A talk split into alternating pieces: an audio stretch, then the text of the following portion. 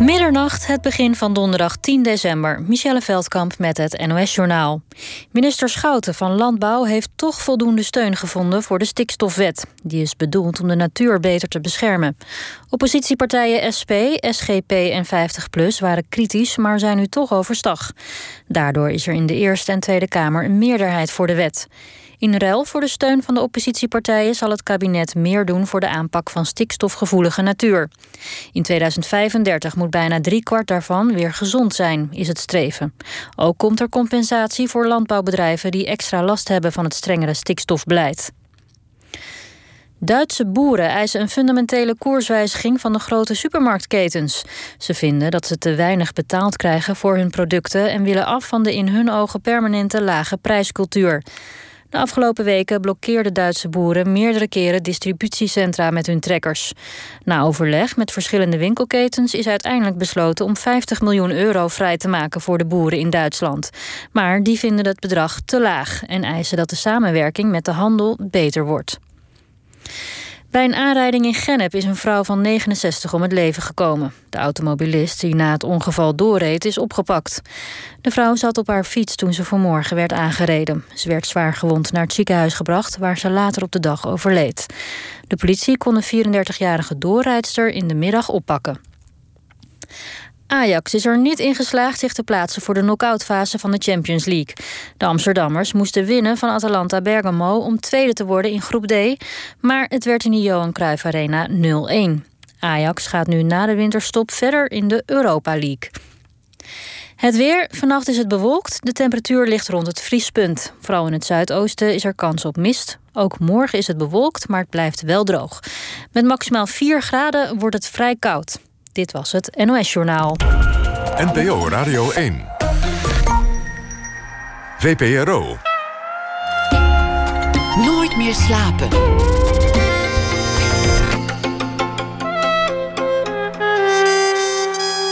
Met Pieter van der Wielen. Goedenacht en welkom. Wat is er toch met dat nooit meer slapen aan de hand? Maandag zat er ineens een oud kraker. Die bekende wel eens een baksteen naar een agent te hebben gegooid. 40 jaar geleden, maar toch. En hij had als kind wel eens de brommer van zijn buurman vernield. Dinsdag een rapper, Def P, die zomaar ineens hardop zijn heel eigen meningen over COVID ging verkondigen. En daarbij moet gezegd dat hij gevaarlijk dicht naar complotdenken helde. En vannacht een veroordeelde drugsdealer. U kunt uw eh, VPRO-lidmaatschap opzeggen via publiekservice.vpro.nl. Let wel op, als u geen lid bent, kunt u natuurlijk ook niet opzeggen. Immanuel Greaves is hier. In 2019 werd zij in België op een festival opgepakt met een flinke hoeveelheid verdovende middelen. Genoeg voor een heel weeshuis, zeg maar. En wat bezielt een succesvol actrice, een gevierd BN'er, om zulke risico's te nemen, om de eigen reputatie zo om zeep te helpen? Immanuel heeft haar eh, straf uitgezeten. Juridisch is daarmee de kous af. Over de hele periode die eraan vooraf ging. En over hoe het daarna verder ging. En over haar leven schreef zij een boek. Samen met journalist Anton Slotboom. Immanuel heet dat boek. Immanuel Grieves van 1985. Welkom. Dankjewel, Pieter. Dank dat je gekomen bent. Dank je. Hoe is dit? Want, want je schrijft in je boek dat je, dat je een tijd lang vooral ontzettend bang was om je weer te vertonen. Om, om weer journalisten, de media, om, om mensen onder ogen te komen. En nu, ja, nu maak je eigenlijk een soort ronde. Ja, ik, uh, ik maak het uh, goed. Mijn boek is net uit. Het boek uh, dat ik samen inderdaad heb geschreven met Anton Slotboom. Daarin heb ik ook een streep gezet onder een hele roerige periode. En ja, eigenlijk ook mijn hele familiegeschiedenis opgeschreven. Um, ja, dat ik nu na wat er allemaal is gebeurd een boek heb mogen schrijven. En uh, ja, eigenlijk daarmee ook andere mensen die of in een burn-out hebben gezeten of met depressieve klachten. Of jongeren die nu op dit moment tegen de muur opklingen uh, vanwege COVID en hun eigen quarantaine. Um, ja, dat maakt me heel erg blij. Ik ben heel erg blij dat ik een boek heb geschreven en dat ik. Uh... Want je hoopt dat je die mensen iets kan bieden met, met dat boek. Ja, door, door jouw verhaal te vertellen. Ja, absoluut. Ik, um, ik, ik, ben, ik heb het boek geschreven. Um, ik had zeg maar in de gevangenis was ik echt al wel aantekeningen aan het maken van. Want je zit daar en je bent eigenlijk constant de vraag aan het stellen: oké, hoe is dit gekomen? En, um, en ik merkte ook bepaalde gevoelens bij mezelf. Die ik in het boek ook wat, waar ik ook wat dieper op inga in het boek. Maar dat ik dacht, ja, ik moet echt even mijn emoties bijhouden. Want als je in de gevangenis zit. Terwijl buiten een oorlog, een mediaoorlog aan de gang is. En jij zit daar en je denkt. Ah, eindelijk rust. Ja, de alarmbellen gingen wel bij me af dat ik dacht, volgens mij ga je niet helemaal lekker in. Nee, dat Als- is wel als- heel raar als je, als je denkt: Goh, ik ben zo lekker uitgerust in de gevangenis. Dan, Ja, maar dan doe je e- iets niet goed. Dan In- doe je iets niet goed. En als je ik- erin komt, doe je per definitie al iets niet goed. Nou ja, nou ja, en dat was dus het bizarre in mijn beleving. Was, was er ook wel, was echt wel een van de eerste gedachten ook. Yes! Stop met op de trein. En, en, eh, en die realisatie, dat vond ik wel zelf ook heftig. Dat ergens in de verte mijn normale bewustzijn wel dacht: Im, je hebt het over de gevangenis, hè? Je zit nu in de gevangenis. Snap je dat dit echt. Soms praat ik in mezelf, tegen mezelf in derde persoon. Eh, maar snap je dat dit echt niet oké is? Dat je nu opgelucht bent. Dat, Ik, vind, ik vind het trouwens ook, als je het zegt, gevangenis, dat, dat, dat klinkt ook meteen ja, heftig. Dat is het nu natuurlijk ook. Maar hoe, hoe was dat eigenlijk, de gevangenis? Beschrijf dat eens. Wat, wat, voor, wat voor beelden komen meteen bij je naar ik, boven? ga, ik ga hem kort beschrijven, omdat ik dat natuurlijk in het boek ve- verder doe. Maar de gevangenis, voor mij persoonlijk, was de gevangenis een plek waar rust, regelmaat en rust heerste. En niet, geen reinheid. Dat is Eh, eigenlijk probeert reinheid, oh, reinheid. Toch ook wel. Nou, ik moet zeggen, Had beter gekund. Het, het had beter gekund, maar ik, ik vond wel op dat moment... Goh, mag je nu gaan klagen over de hygiëne en over... Dat Ja, het is geen hotel, je kan niet- Ondefinieerbaar soepje krijg. Ja, ik dacht, ja, jeetje, Jim. Ik denk niet dat je nu in die positie zit, dus... Hè, laten we maar roeien met de riemen die we hebben. Eh, ik krijg drie keer bedacht te eten. Ik hoef niet na te denken over wat ik ga koken. Ik hoef niet na te denken over wat ik op Instagram ga zetten. Ik hoef niet na te denken over mijn teksten. Ik hoef niet na te denken over dat er weer mensen aan mijn hoofd aan het zeuren zijn die, me moet, die ik moet helpen. En alle druk die vanuit de familie op me komt. Ik zit hier alleen maar met mezelf. En, eh, en, en dat was voor mij zeker de eerste paar weken heel fijn. Dat er daarnaast natuurlijk heel veel media-aandacht was. Ja, dat was wel gewoon een beetje vervelend. Dat ik dacht, ja, Kreeg je dat mee in de gevangenis? gedeeltelijk. Ik wist het, maar zodra ik er niks meer over wilde horen, want ik, ik, je kan niet naar mij toe bellen, ik kan alleen naar buiten toe bellen. En ehm, je zit eigenlijk ook in een soort veiligheid. Ehm, even voor de, voor de luisteraar trouwens, die misschien nu denkt: eh, ja, hallo, je hebt eh, drugs gedeeld en, eh, en nu zit je te vertellen hoe blij je was. Nou, lang verhaal, hè, kort samenvatting Ja. in het boek ga ik daar verder op in. Ehm, ik ben eigenlijk naar Tomorrowland vertrokken met een gevoel van de dood of de gladiolen. De, de, de dood, nou ja, het gaat helemaal mis en dat is dan ook prima. Dan hoop ik dat, dat hè, dus niet letterlijk denk, haha, het moet misgaan, maar wel van als het misgaat. Het is hoe dan ook een win-win situatie. Als het misgaat, nou ja, dan, dan, dan, eh, dan ziet iedereen dat ik inderdaad eh, niet deug. En als het wel goed gaat, nou ja, dan heb ik een eh, lekkere kick gehad. En, en voor de rest, het, het, ik zat heel erg in een Dat klinkt niet heel rationeel wat je nu zegt. Nee, dat was het ook niet echt. En ehm, nou ja, ik heb dat wel. Ik probeer dat ook wel overal te benadrukken. Ik bedoel, ehm, eh, niet iedereen die in een, in een burn-out zit of niet lekker in zijn vel zit, gaat met een tas naar Tomorrowland en, en, en daar de destructie opzoeken. Dus daarin. Maar je was eigenlijk, als ik het zo hoor en lees, een accident waiting to happen. Absoluut. Je, was al, al lange tijd op een soort ramkoers met het lot. Ja, Uiteindelijk ja. moest dit wel een keer misgaan. Het moest, het je moest bent een BN'er en je loopt met, met een grote hoeveelheid drugs. Eenmalig. Laten we dat even. Is- want, is dat- nee, als je dat zo zegt, want je, we Maar- hebben het over een tijdje. Is dat, echt klopt. eenmalig? Want, want het was best een, een, Ja, een hoeveelheid. Ja, luister, wat, wat, ik wat zou het denken, is, je begint klein en je bouwt langzaam op. Nee, nee, ik ben, ehm, ehm, ik ben, ben absoluut tot vorig jaar aan toe was ik gewoon een drugsgebruiker. Ehm, ik omschrijf ook in mijn boek van, hey, ik ben echt wel iemand die naar festivals ging en en weet je, festivals ehm, heb je heel erg de sfeer. Kijk, bij de mensen die drugs gebruiken heb je gewoon heel erg de sfeer. Net zoals je dan op een feestje zegt, oh ja, moet je een biertje? Ja, heb je ook gewoon op een feestje, ja, moet je een pilletje? Of eh, hey, heb je wat? En dat, dat deel je gewoon met elkaar. Dus eh, zouden nu absoluut Dus de grens mensen- tussen dealen en delen is eigenlijk niet zo heel scherp te trekken. Van, van, want als, je, als nou ja, iemand de, zegt. de, gre- de grens in wat, wat, wat, wat we zeggen is: delen is niet dealen. Delen is niet dealen. Maar delen en een tikje sturen dan. Nee, niet een tikkie sturen. Delen is niet dealen. Zolang je er geen geld voor vraagt, bedoel je? Dan, dan ben je gewoon. Maar je bent ook ben niet? Sinterklaas, toch? Ben je een slijterij als je een biertje aan iemand geeft? Nee, maar als de hele buurt de hele dag in de rij staat om bij mij bier te halen, dan, dan ga ik toch wel mijn verdienmodel. Dat is niet, Pieter, laten we dat niet gaan doen, want dat is niet het geval. Dat, dat staat ook niet in mijn boek. En dat is ook niet. Nee, want nu lijkt het alsof je mijn woorden in de mond gaat zetten. En dat. Ik ben niet een. Wat is jouw definitie van een dealer? Een, een dealer is een handelaar in uh, verboden middelen, in dit geval verdovende middelen. En is iemand dat, die dat regelmatig doet? Of incidenteel? Of, of iemand die een lijst bijhoudt? Is, wat, wat is dat? Ja, weet ik het. Die rechtszaak is toch al lang geweest? Je hebt je straf toch uitgezeten? Ik ben toch niet de procureur-generaal van Antwerpen... dat ik hier met jou dat moet doornemen? Nee, maar ik, waarom ik het vraag is omdat... Kijk, ik, ik, ehm, ik snap je vraag ergens, maar dan denk ik... Als jij hem vraagt, denk ik dat meerdere mensen die vraag hebben. Het lijkt me dus een logische vraag. het lijkt me een logische vraag van wat, als je met zoveel pillen loopt, is het dan echt de eerste keer dat je, dat je aan het handelen was? Of, of was het iets wat vaker gebeurde? Nee, nee, dat is niet iets wat, wat vaker gebeurde. En, en, dat was, dat was de. Het, wat ik net zei, um, um, ik ben. Ah, ik werk 60 uur per week, dus ik heb niet eens de tijd om te gaan dealen. Dus hè, dealen, dealen. Dat is, dat is dat je een lijst hebt met mensen van... oh ja, bommen halen, uh, uh, hier heb jij wat, hier... Nee, dat is niet het geval geweest. Ik omschrijf zeker wel in mijn boek... dat als je met vrienden bent, dat je met elkaar uitwisselt. En eerlijk gezegd wil ik dat ook houden voor in het boek. Dat je het daar leest, omdat je daar de context begrijpt. Als je niet in een, in een feestwereldje begeeft... Um, dan, dan is sowieso überhaupt dat iemand verschillende soorten drugs bij zich heeft, is, klinkt heel heftig.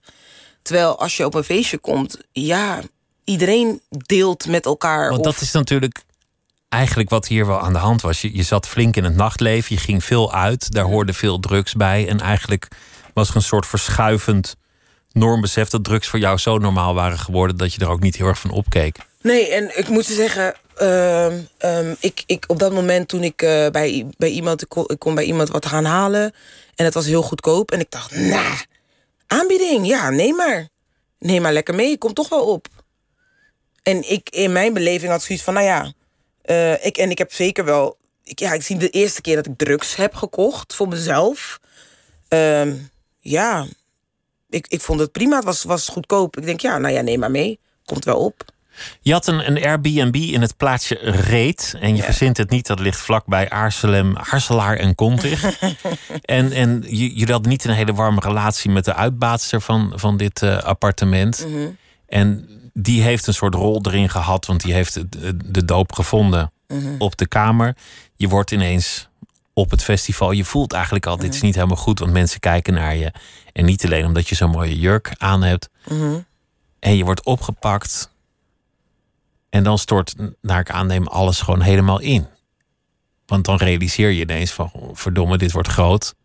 Ik ben bekend. Dit komt in de pers. Wat, wat was het moment dat nee. dat echt indaalde? Nee, ik, ik, ik- het is heel erg in, in, in, in stappen gegaan. En ehm, in eerste instantie, mijn eerste gedachte was: oké, dan kan ik niet naar het festival. En dat was. Zo soort- korte termijn dacht je op dat moment. Ik, ehm, ehm, wat ik in mijn boek omschrijf is dat ik alle moeilijke gedachten constant aan het ontwijken was. Daarom heb ik ook niet op de signalen gereageerd van inderdaad dat ik merkte. Hé, hey, er zijn mensen naar mij aan het kijken. Er zijn mensen naar mij aan het staren. Ik word in de gaten gehouden. Maar ik wilde er niet aan denken. Omdat ik aan niks wilde denken. Ik wilde constant niet denken aan verantwoordelijkheden. Niet denken aan, aan moeilijkheden. Niet denken aan problemen. Niet denken aan wat dan ook. Want elke keer als ik, als ik stil stond, dan stond dat gelijk aan, aan instorten. Dus ik was constant bezig om prikkels op te zoeken. Pardon? Je was op de vlucht voor jezelf, als het ware. Ik was eigenlijk op de vlucht voor mezelf. Want als ik, als ik stil zou Stilstand staan, was meteen instorten zou- was geweest. instorten. Ik heb, ik heb in die periode daarvoor zoveel huilbijen gehad. En ehm, ik heb ook wel eens huilbijen gehad bij mensen die ik kende, zeg maar. Maar ehm, het was zo heftig, het huilen en het, en, en het soort van in paniek raken... Dat, dat eigenlijk niemand zo goed wist wat ze ermee moesten. Want het was gewoon een soort hys- hysterie of zo. Dus dan klapte ik ook maar weer dicht. En dan dacht ik, nee, oké, ehm, schouders weer eronder. Het komt wel weer goed. Eh, stel je niet zo aan, kom op. Hè, eh, je moet morgen weer werken. Ehm, nou ja, het is gewoon even tijdelijk. Ik had ook in die periode dat, eh, dat mijn spiraal eruit moest. Dus ik dacht, oh ja, het zal wel hormonaal zijn. Er waren allerlei redenen, verzon ik, van waarom het niet zo lekker ging.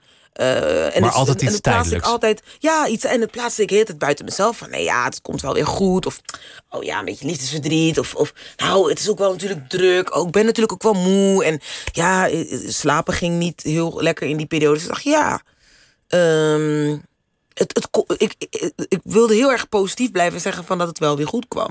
Maar als ik kijk naar je, je Instagram van toen, of naar de foto's in, in de media of interviews van toen, dan was het eigenlijk alsof het een grote glorietijd was. Het geluk niet op kon en, en het leven je aan alle kanten toelachte. Nou ja, ik denk, ik denk dat, uh, dat Instagram, Facebook, social media sowieso, dat je daar meestal wel gewoon de positieve dingen post. En, en wat, um, ik leefde eigenlijk van kick naar kick. Dus op het moment dat ik um, op, op, op een première stond of zo, of op een feestje, dan voelde ik me op dat moment ook wel fijn. Maar zodra ik dan weer de auto instapte, stort ik gewoon in. En, en ja, was de kick weer weg. Dat was maar, de, de kick bleef steeds minder lang aanhouden. Dus het, het, het, als ik ook nu terugkijk, want in het moment zelf had ik dat niet altijd door. Ik zag wel van, hm, het gaat niet helemaal lekker, maar je, het is ook iets wat je besluit. Weet je, ook, ook het, het merken van, ik, het lukt mij niet om thuis rustig te zitten, maar ik moet steeds dingen buiten mezelf gaan opzoeken. Ja, ook dat, als ik dan op een gegeven moment, ja, toen ik in de gevangenis zat en ging terugkijken. En ook toen ik op een gegeven moment in therapie en terugkijken, dacht ik, ja, jeetje. Dat waren allemaal tekenen, ook de paniekaanvallen waren allemaal tekenen van mijn ziel aan mijzelf. Ima, ga aan jezelf, ga eens met jezelf aan de slag. Je, je, je, had je bent dingen aan het wegstoppen. Een verwaarloosde depressie, een verwaarloosde burn-out. God weet wat het was, maar je was, je was aan het wegrennen voor alles. Hetgeen niet, niet goed ging in jouw leven. Ja, absoluut. En, en, en ik was ook gewoon op dat moment. Ik was gewoon op dat moment ook gewoon niet meer blij met mezelf. Um, ik had het heel erg druk, maar het gaf me geen voldoening wat ik deed. Um, ik stelde mezelf steeds de vraag van, ja, jeetje, ben ik wel gelukkig? En dan dacht ik bij mezelf, nee, eigenlijk niet. En, en dan had ik allerlei plannen, maar dan was ik veel te druk om het uit te voeren. Of dan durfde ik het niet uit te voeren. En dan werd ik daar eigenlijk ook wel weer een beetje boos om over mezelf. Van ja, jeetje, er komt niks uit je handen. Weet je? En je bent ogenschijnlijk succesvol, maar je groeit niet meer. Ik ben, je bent de afgelopen tijd ben je niet verder gaan ontwikkelen. Niet in je persoonlijkheid, niet in je werk, niet privé. Je, je was eigenlijk diep ongelukkig en dat aan het overschreeuwen. Wat, wat zou er zijn gebeurd als je die... Dit is, sorry, dit is een hele mooie zin. Dit mag je echt, ja, die mag je even... Je was diep ongelukkig en jezelf constant aan het overschreeuwen. Dank je. Dit is een hele mooie samenvatting van inderdaad wat er gebeurde in die periode. Wat was er gebeurd als je, als je niet, niet de Airbnb in reet had genomen, maar je had doorgeklikt naar Contig en je had daar een, een uitbater gevonden die je niet had verraden en, en je was niet gepakt? Ik denk dat ik uh, dan een, uh, en dat vind ik heel erg om, om hardop te zeggen, um, maar ik denk wel dat ik dan een overdose had gekregen die zondag.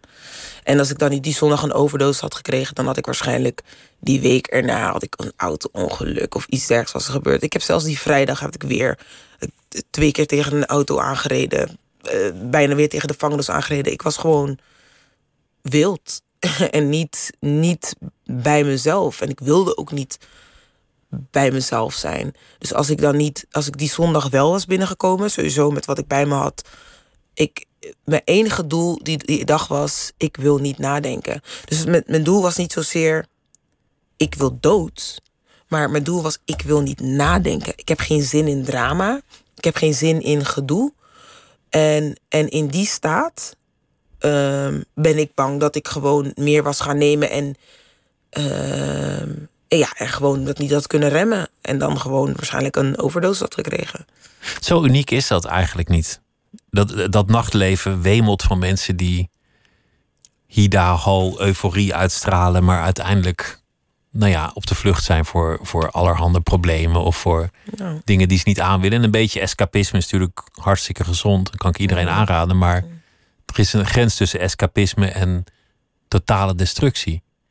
Wat jij schrijft is volgens mij wat, wat er pre-COVID elke zaterdagavond in menig club aan de hand was met, met duizenden mensen. Nou ja, sterker nog, ik denk dat dat nu aan de hand is. Je leest nu bijvoorbeeld artikelen over de 3MMC, waarbij met name jongeren daar nu uh, ja, best wel verslaafd aan zijn en zo. Um, hoe weet je dat je op het juiste pad zit? Hoe weet je of je gelukkig bent? Hoe hoe beslis je hoe je je toekomst gaat leiden? Of, of, of, of dat je goed genoeg bent. En, en het, het zoeken in drank en drugs, ja, dat ligt constant op de loer. Kijk, we doen in Nederland doen we heel makkelijk over. Oh, lekker wijntje. Of acht flessen. Daar doen we heel makkelijk over. Maar voor heel veel millennials en voor Generation C is, is, die, is dat gemak er met drugs. Het is gewoon deel van uitgaan, deel van de cultuur geworden. Het is hartstikke deel van de cultuur geworden. En ik snap dat voor heel veel um, mensen nog steeds de, de, um, um, het idee is van: oh ja, alle mensen die drugs gebruiken zijn allemaal uh, junkies of mensen die aan lage wal zijn geraakt. Maar er is een hele grote groep mensen voor wie drugs normaal is geworden. En als je dat gesprek niet open kunt voeren van jongens, oké, wanneer is het escapisme? En wanneer is totale destructie? Of hey, wat is voor jou de reden dat je dit doet? Wat, welk gat vult het voor je? Is het, is het voor de fun? Of is het voor de vlucht? En, en, en um, um, voor, mij, voor mij wilde ik, was de reden om zo open te schrijven over mijn eigen reis en over party life en over de, de, de cultuur daar binnenin de party life. Want ik bedoel, ja, er zijn, er, zijn, er zijn heel veel mensen die in de media van alles hebben gezegd over, over drugs of over mij. Wat ik ook snap. Maar van de helft van die mensen weet ik dat ze zelf helemaal aan de zooi zitten. En die soort van, dat soort van dubbele moraal waarin we het er niet open over kunnen hebben. Nu wil ik geen boegbeeld worden hoor. Van oh ja, we moeten het er open over gaan hebben. Maar, maar je wilt niet de postervrouw van niet de postervrouw gaan worden, worden, van oh ja, dat, dat is zeker niet mijn doel. Maar ik, ik heb wel getracht door mijn verhaal te delen over hoe je grenzen kunnen vervagen, hoe um, je een soort gemak kunt krijgen met drugs, hoe je Um, ik snap je vraag van, joh, in, maar het was wel erg veel drugs. Voor mij was het op dat moment niet zo heel erg veel drugs. Want jouw normen waren vervaagd. Dat is, dat We waren in ieder geval verschoven. En voor heel veel mensen in, in party life, ja, was, was het niet zo heel veel. Maar je, je zei iets anders. Mag ik er wel zijn? Dat is een vraag die je terloops even stelde. Van, doe ik er wel toe? Is mijn leven goed genoeg? Mag ik er wel zijn? Ja. Was, was dat de vraag die, die ten basis lag aan, aan alles? Was dat een vraag eh. die, die, die onderhuids bij jou door je hoofd spookte? De vraag of je wel mag bestaan? Nou ja, uh, mag, mag, je, mag je zijn wie, wie je echt bent? Uh, wat, wat ik heel opvallend vond, wat ik, wat ik een beetje meekreeg van wat er in de media kwam, is dat vooral de vraag werd gesteld: hè, hoe kan die goed lachse actrice. Als ze altijd zo gezellig en zo mooi en zo leuk uit. En hoe kan dat nou dat ze ineens dit doet? Maar het ding is, mensen wilden ook alleen maar de goed lachse, leuke, gezellige vrouw hebben. Eh, oh, eh, ik, ze wilden maar één kant van je zien. Ze wilden maar één kant van mij zien. Um, en ook, ook binnenin. Ik heb heel hard gewerkt om hè, die bekende of nou ja, niet eens zozeer. Ik was niet eens zozeer op zoek naar bekendheid. Ik wilde vooral heel veel acteren. Maar ja, met heel veel acteren komt automatisch ook heel veel bekendheid. Um, maar, maar op een gegeven moment was in mijn beleving, dacht ik, dit is, dit is een, verschrikkelijke nachtmerrie. Ik ben nu. Blijkbaar is dat personage, Immanuelle Grievous, die goed lachse vrouw op tv, is zo sterk. Dat zelfs als ik letterlijk voor mensen sta en zeg: Jongens, het gaat niet goed dat ik gewoon een schouderklopje kreeg en dat mensen zeiden ja. Maar je kwam ook wel over als een powervrouw. Dat woord dat, werd ook vaak gebruikt. Ik vind het een stom woord hoor, maar dat, dat was wel wat nou, is een beetje elk stuk. Niet, ik denk ook niet dat ik geen powervrouw was. Alleen ook een powervrouw heeft af en toe een schouderklopje nodig. Ook een powervrouw heeft af en toe een goed gesprek nodig. Ook een powervrouw kan niet de hele wereld dragen. Maar ook iemand met, met een, een, een glamourvol imago, die, die heel zelfverzekerd over kan komen kan kennelijk van binnen heel diep onzeker zijn en zich afvragen of ze er wel mag zijn. Nou ja, het kan, het kan ineens heel snel gaan. Het is, het is um, wat ik heb ontdekt in mijn reis, is dat um, er in mijn fundament iets niet goed zat. Dus het is niet zo dat alles wat mensen hebben gezien, dat dat niet echt was. Of dat ik, uh, dat ik constant alleen maar ongelukkig was. Maar in mijn fundament klopten er dingen niet. In mijn fundament kwam ik erachter. Ja, maar wacht even. Um, je bent nog steeds, je bent, je bent uh, in psychologie zeggen ze codependent. Dus mijn gedrag is toch constant afhankelijk van andere mensen. Dus, dus mijn, mijn ook, ik, ik dank mijn vader ook wel weer ergens daarvoor. Want ik heb heel veel bewijsdrang naar hem gekregen. door, door hoe onze relatie is heb ik heel veel bewijs van hem gekregen. En dat heeft mij ook zo ver gebracht. Alleen, als je dus eigenlijk in je fundament iets doet om iets te bewijzen, ja, dan, dan, dan, ben je, dan geloof je het dan zelf wel eigenlijk. Want, want, want jij was zeven jaar toen, toen het, het huis, het gezinnetje openbarstte. Mm En je ouders uit elkaar gingen. Je moeder vluchtte weg voor je vader, die haar mishandelde, of eigenlijk liet mishandelen op dat moment. Je hebt, mm. dat, je hebt dat gezien. En jouw vader die wees jou af met jouw moeder. Mhm. die, zag, die zag eigenlijk in jou, als ik het goed heb begrepen, gewoon één front, één pakt met je moeder en nam jou dat kwalijk terwijl jij zeven jaar oud was. Ehm, en wat is je vraag? nou, ja, het is bijna alsof, alsof we nu die therapie aan het doen zijn. Maar ik, ik denk dat je nog een paar jaar voor de boeg hebt. Met zo'n achtergrond. Oh, nou ja, ja, ik, ik, ik denk het. Ehm, ja, ik, ik, ik denk het. Ik snap, ik snap je vraag niet helemaal. Het is, of, of, je, ja. Ik probeer even, jij, jij zegt iets over, over jouw vader. En ik mhm. probeer eventjes duidelijk te maken wat, wat die achtergrond ongeveer is. Wat die familiegeschiedenis is. Mhm. Jouw vader heeft jou afgewezen toen, je, toen jij heel klein was. Mhm. Is dat iets dat nog steeds door, doorspeelt, denk je? Ik denk, ik denk dat dat altijd zal doorspelen. Mijn vader is uh, onlangs is hij, 92 eh, geworden. En uh, op dit moment heb ik niet echt contact met hem. Uh, ik heb ervoor gekozen om eventjes op mijn eigen gesteldheid te letten. En ehm, ja, ja, weet dus je. Dus die strijd gaat, gaat nog wel door. Nou ja, weet je, ik denk, ik denk dat je. Um, voor, voor mij in deze reis kwam ik er ook achter. Hé, hey, wacht eens even. Alles wat ik doe, link ik persoonlijk. Link ik zelf aan mijn vader, onbewust. He, dus ook met relaties, dat je toch bepaalde dingen projecteert op een man. Of dat je. Um, ja, dat ik dat, als ik merkte dat ik niet helemaal de erkenning kreeg die ik toch onbewust wilde hebben, die kinderlijke drang naar erkenning. Ja, dat dat, dat, dat mij uh, dat meer erkenning mij wat blijer maakte en minder erkenning minder blij. Of dat ik dan nog meer dacht: oké, dan ga ik nog harder werken. Om toch wel te bewijzen dat ik goed genoeg ben. Om te bewijzen dat ik die goede dochter ben enzovoort. En eigenlijk met dat deze situatie is gebeurd, waarbij vorig jaar gewoon, ja, um, um, ik enorm geconfronteerd werd met mezelf van: oh wacht even, dus jij denkt dat jij negatief gedrag kunt vertonen en, en kiks kunt opzoeken en de, de, de blame op je vader kunt afschuiven. Nee. De enige persoon die hier nu uh, uh, pijn van heeft, ben jij zelf. maar je was op dat moment wel de ultiem slechte dochter. Dus, dus als jij leven in een teken stond van eindelijk een keer erkenning dat je vader zei: Je bent een goede dochter, dan was dat moment lekker verwaaid.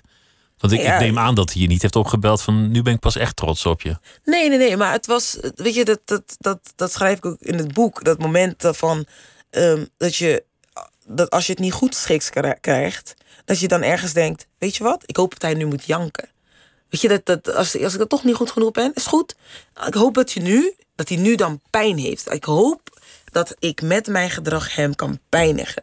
Want heb je nooit een compliment gehad? Toen, toen je successen had, toen je in, in films en series speelde, heeft hij nooit gezegd van... Ja, maar, maar als iemand, als, oké, als iemand tegen jou zegt, oké, hey, wat goed van je.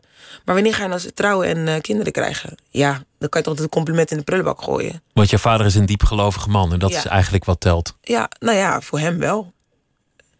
Ja. Je, je beschrijft dat je, dat je ontzettend jong, als, als tiener, twee keer seksueel misbruikt wordt. Ik ga het niet uh, daarover hebben in het radio-interview. Sommige dingen, sorry dat ik het gelijk afkap. Die kan je op papier beschrijven, maar niet. Maar dat is, het is ook, het is nooit meer slapen. Zit je om één uur daarna te luisteren. Dat is echt, dat is echt te heftig. Dus dat. dat uh, ik wilde ook niet details ingaan. Die, die staan in het boek. Ik heb ze gelezen. En, en ik, ik en laat het, is heel, het is een heel, heel heftig verhaal. Ik vond, ik vond het een heel heftig verhaal. Ik vond de beide verhalen heel heftig. Ja. daarna, dat, dat schrijf je ook mondt het uit op een abortus. Mhm. iets, iets wat jouw vader nooit en te nimmer goed zou keuren met zijn geloof. Mhm.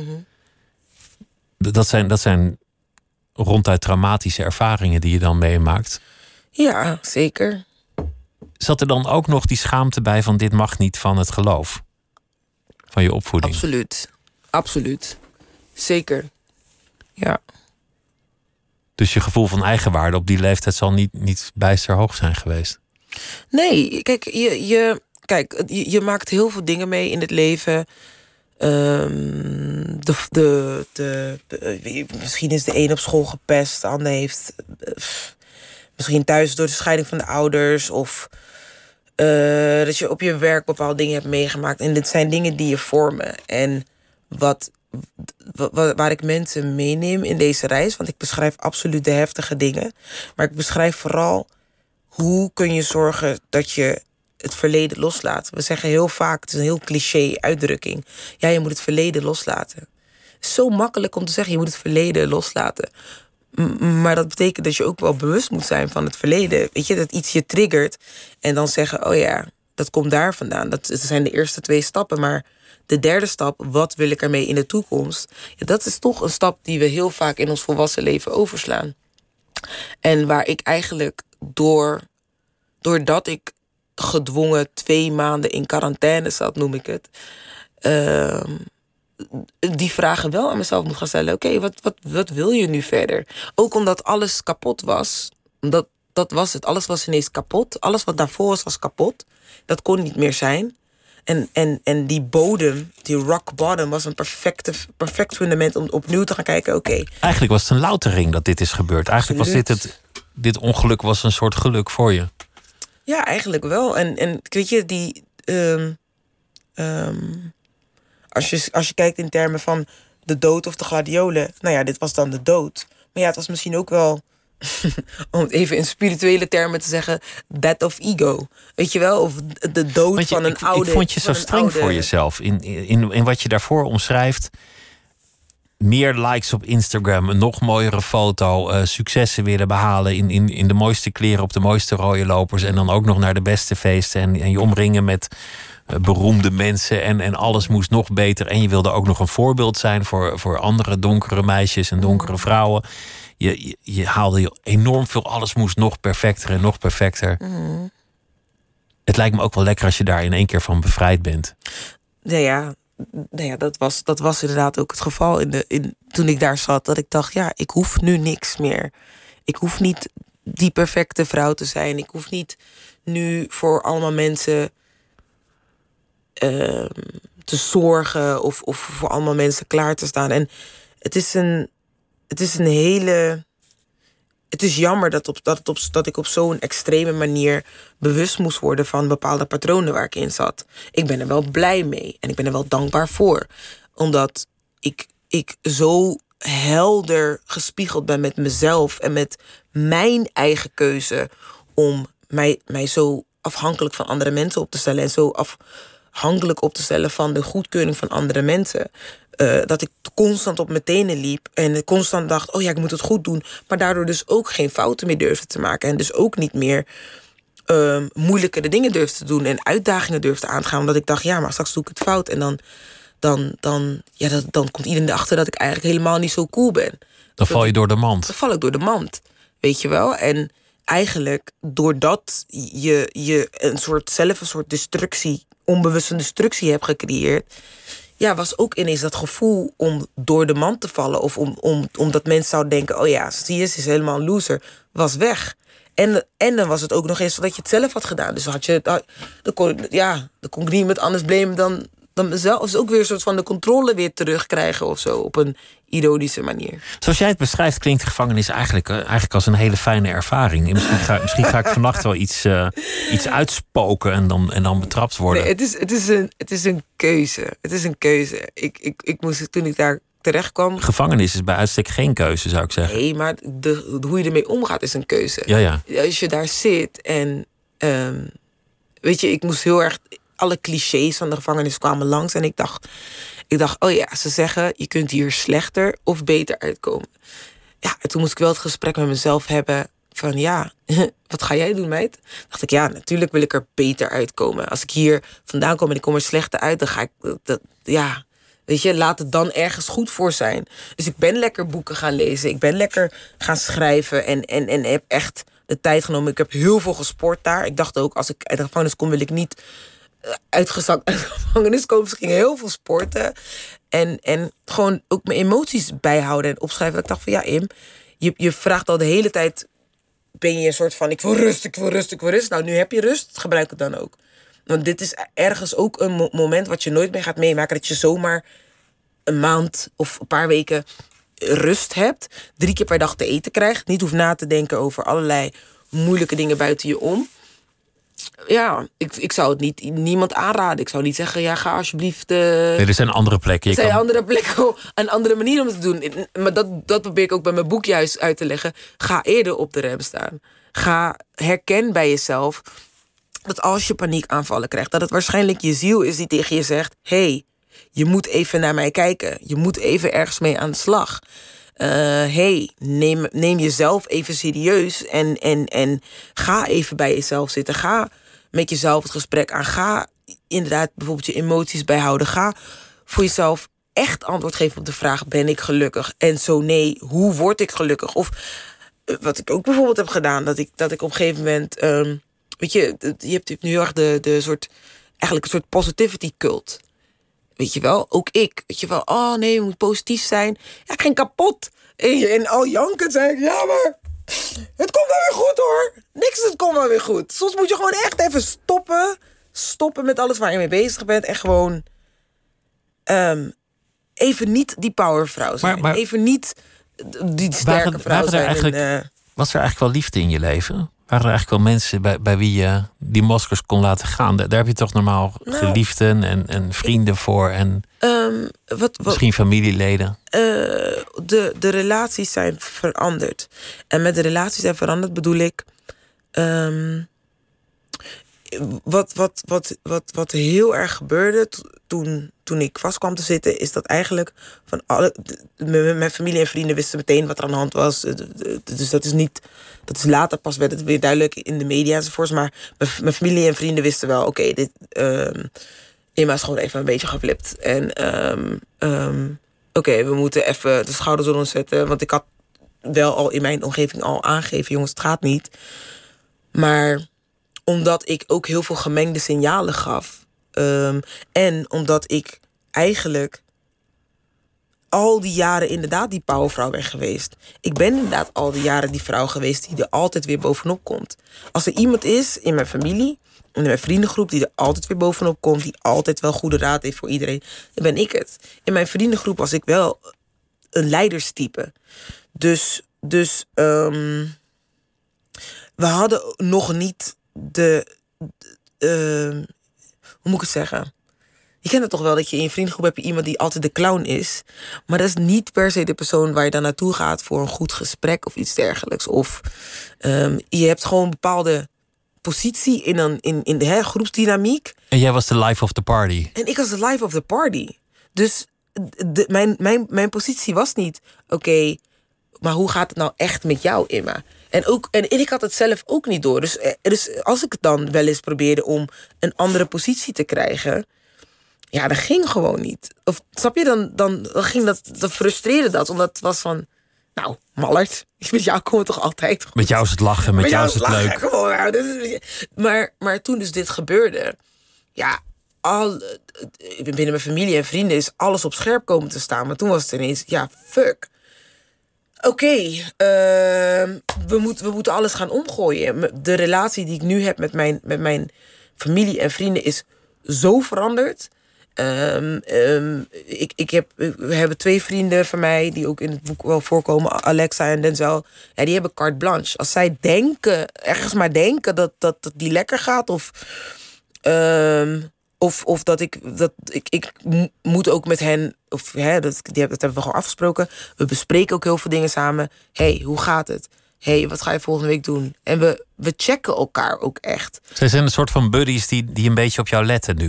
Nou ja, we letten op elkaar. En we hebben ook echt naar elkaar toe uitgesproken. Luister, dat wat er is gebeurd. En, en voor ons, voor ons is zeg maar, de gevangenis is een symbool van iets wat daaronder lag.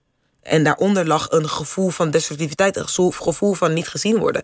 En dat, dat, dat stukje, ja, daarvan hebben we gezegd, dat mag nooit meer gebeuren in onze vriendengroep. Of het nou de vangrail was, of de gevangenis, of, of welk ongeluk je uiteindelijk ook had, had getroffen. Als het als in de gevangenis wel fijn was, dan, dan zag je er waarschijnlijk nog veel meer tegenop om naar buiten te komen. En daarbuiten is ook die, die wereld waarin zo ontzettend hard over jou geoordeeld wordt.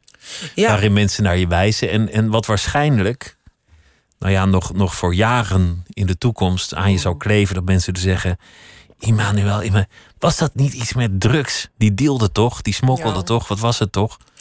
Ja, weet je. Hoe vond je, hoe vond je het om voor het eerst dat tegemoet te moeten treden? Die cameraploegen op de, op de trappen van de rechtszaal bijvoorbeeld.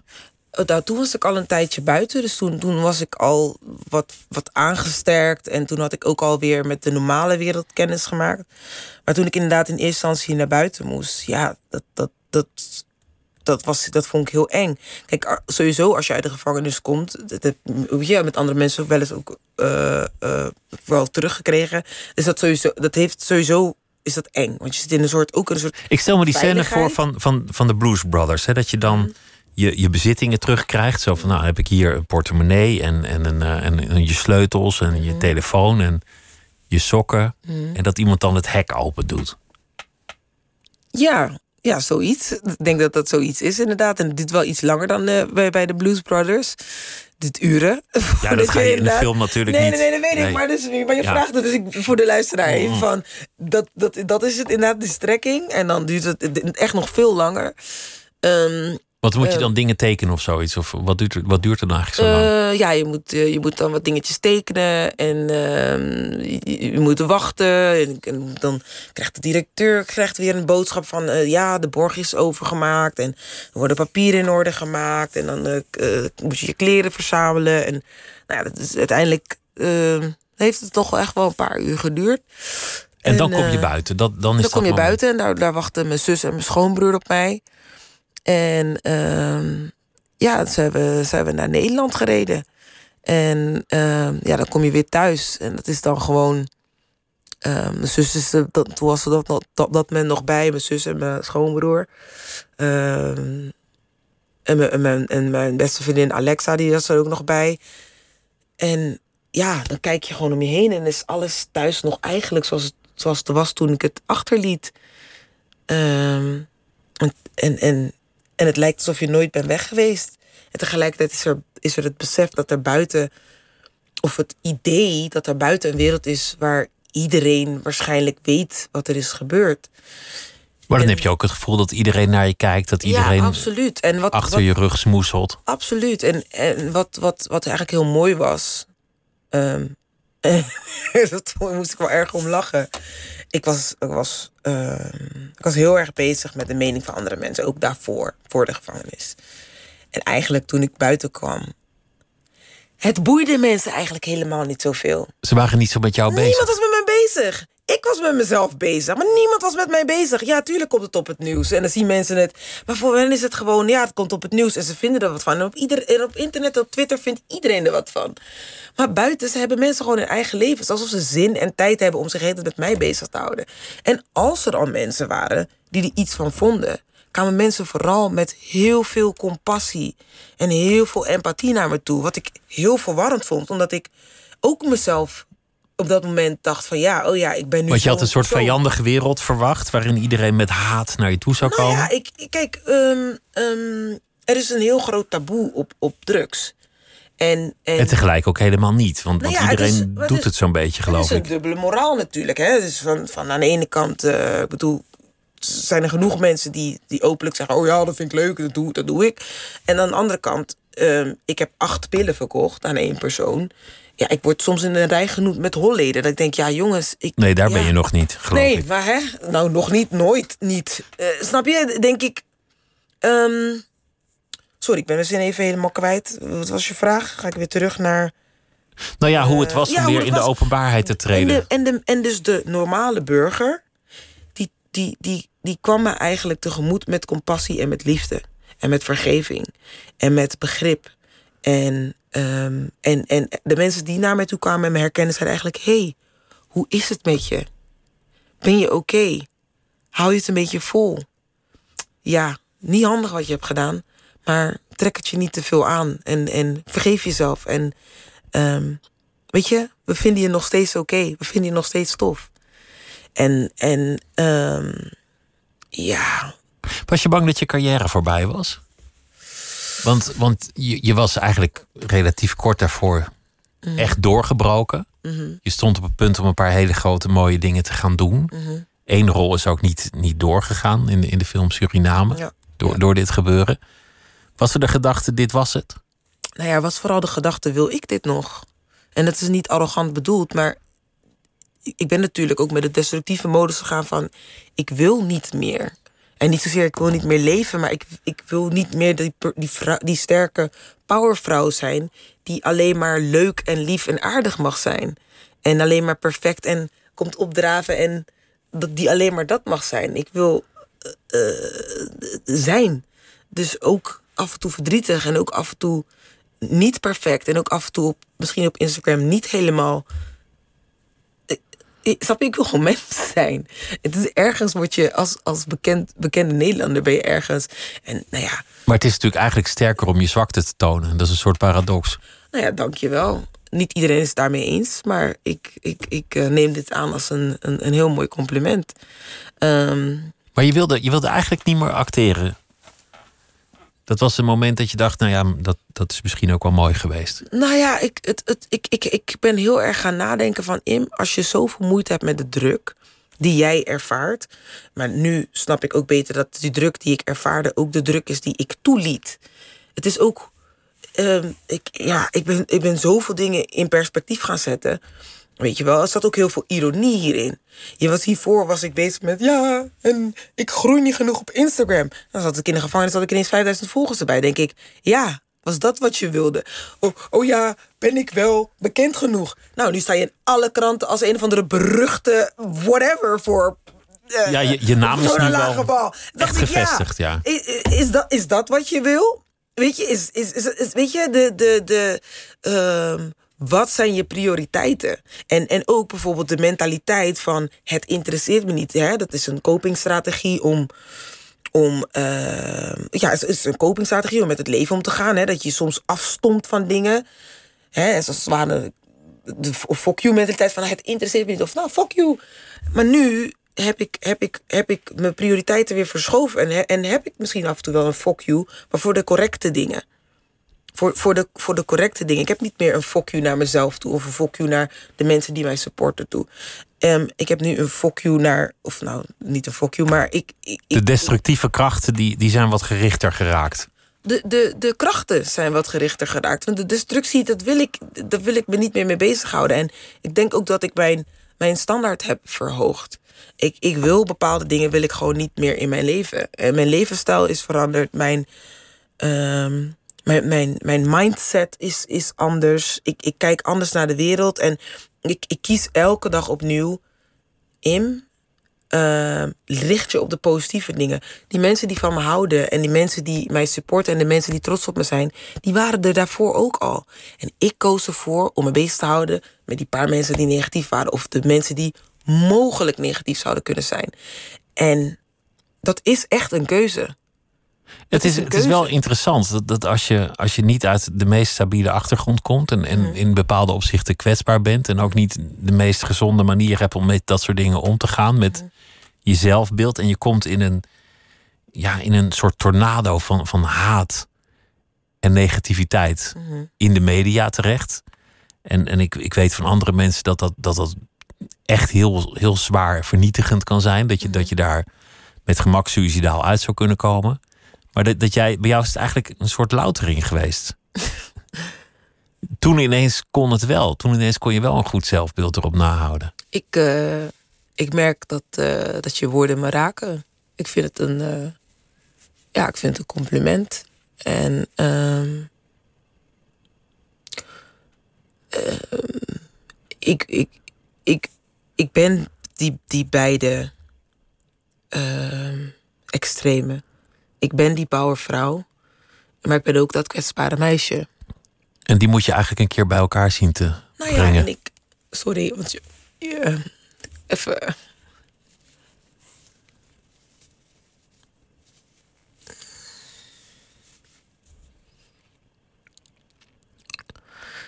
Ik ben het allebei. Ik ben het allebei. En um, als er één ding is.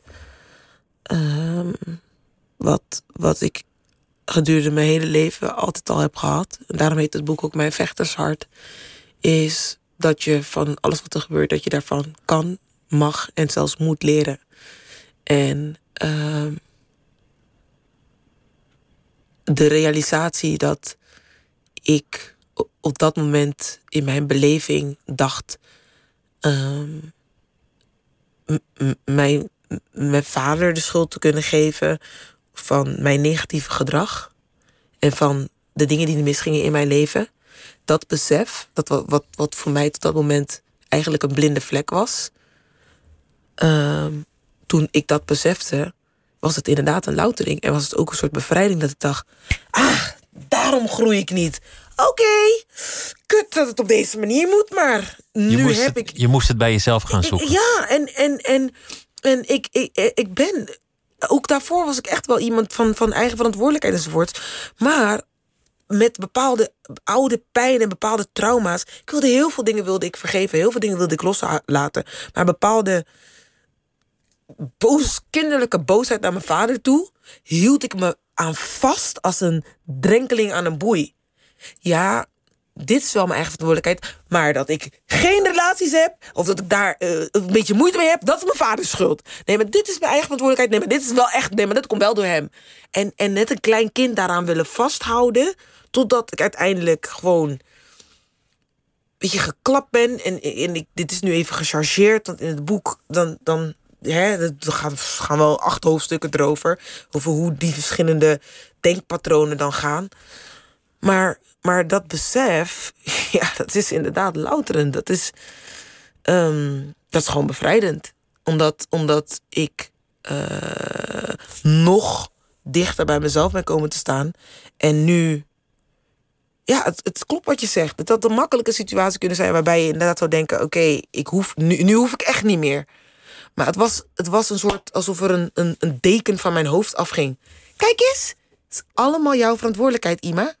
En het was lastig, maar tegelijkertijd dacht ik ook: oké, zolang ik. Ik heb mijzelf in de nesten gebracht, maar ik heb ook mijzelf als acteur groot gemaakt. Ik heb mezelf in de nesten gebracht. Ik ga ook weer mijzelf. Ik ga werken aan mezelf en ik ga hier ook weer van leren. En ik ga hier ook weer beter van worden. Ehm, weet je, in Rotterdam zeggen we zeven keer vallen, acht keer opstaan. Tuurlijk, weet je, je valt. ehm, en en, en het, is, het is hard en het is lelijk geweest. En het is echt ongelooflijk veel in de media geweest. Dat ik ook af en toe dacht, jongens. Zullen We zijn er wel, ja. Ja, weet je. We eh, hebben het wel. Ja. Ja, weet je, dan zullen we, zullen we het gewoon nu ook een beetje. Hoeveel artikelen kan je hier ja, aanwijden? artikelen. Weet je, geef die, andere, geef die andere jongens ook een beetje aandacht. Weet je, we hoeven niet allemaal alleen maar naar mij. Geef die jongens met die bus. eh, Maar ja, een, een BN'er met, aandacht. met doop.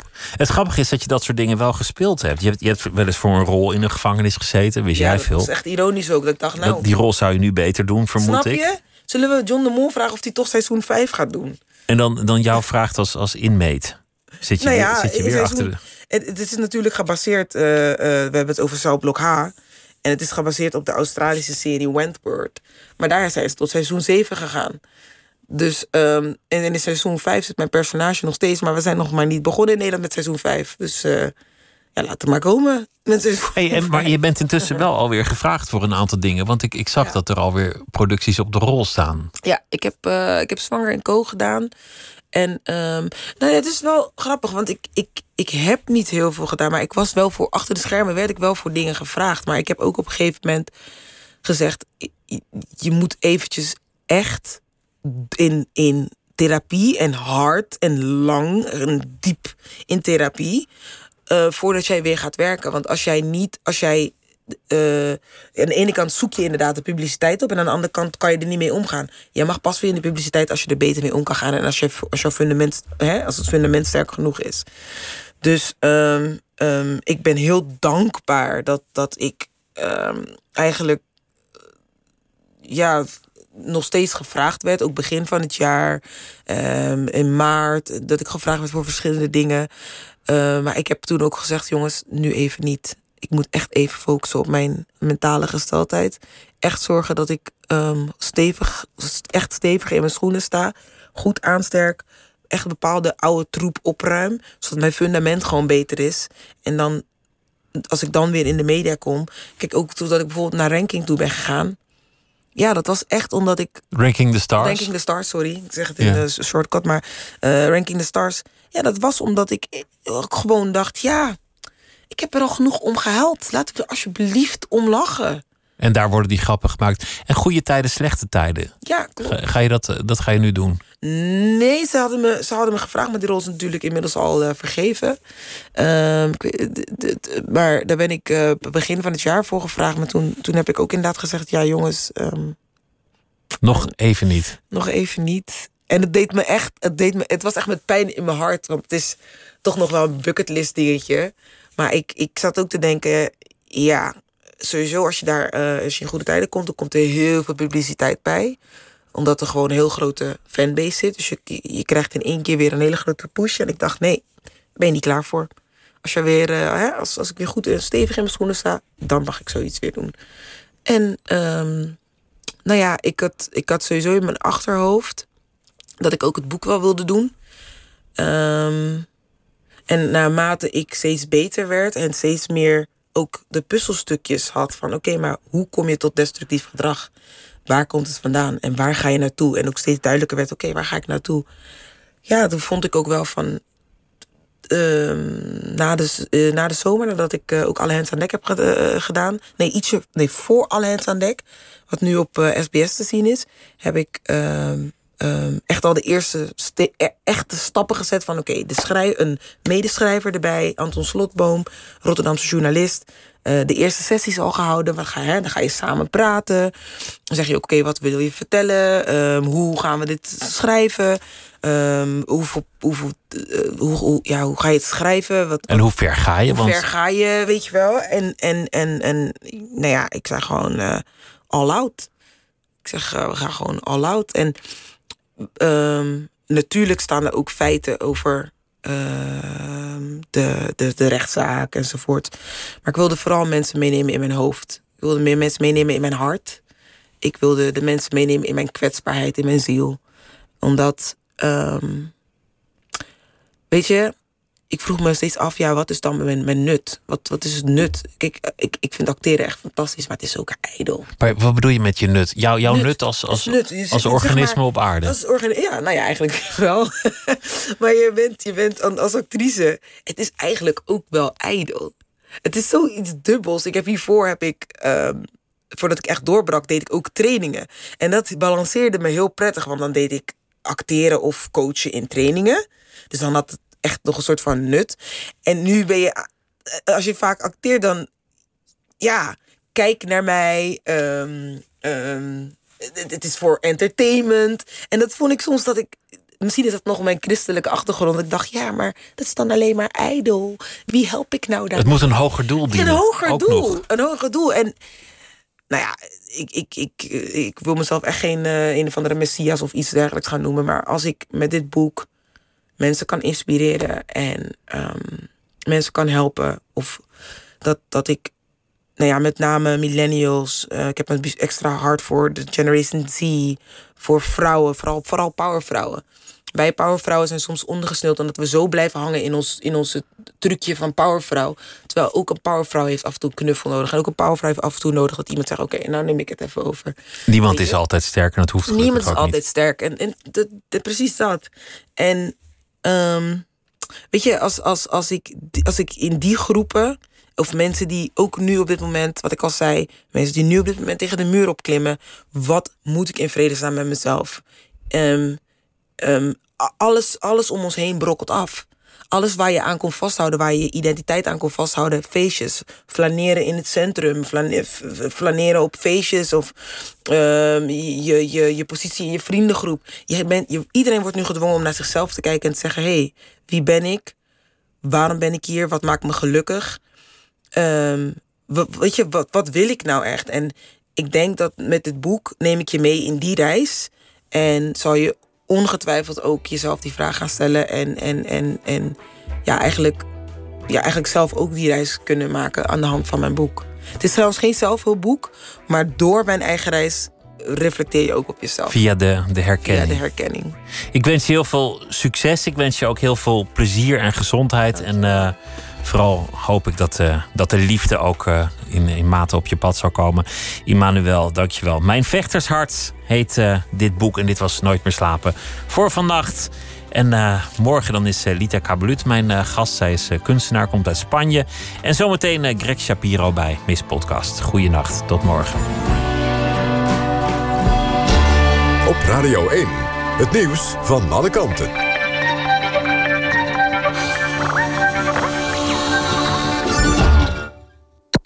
NPO Radio 1.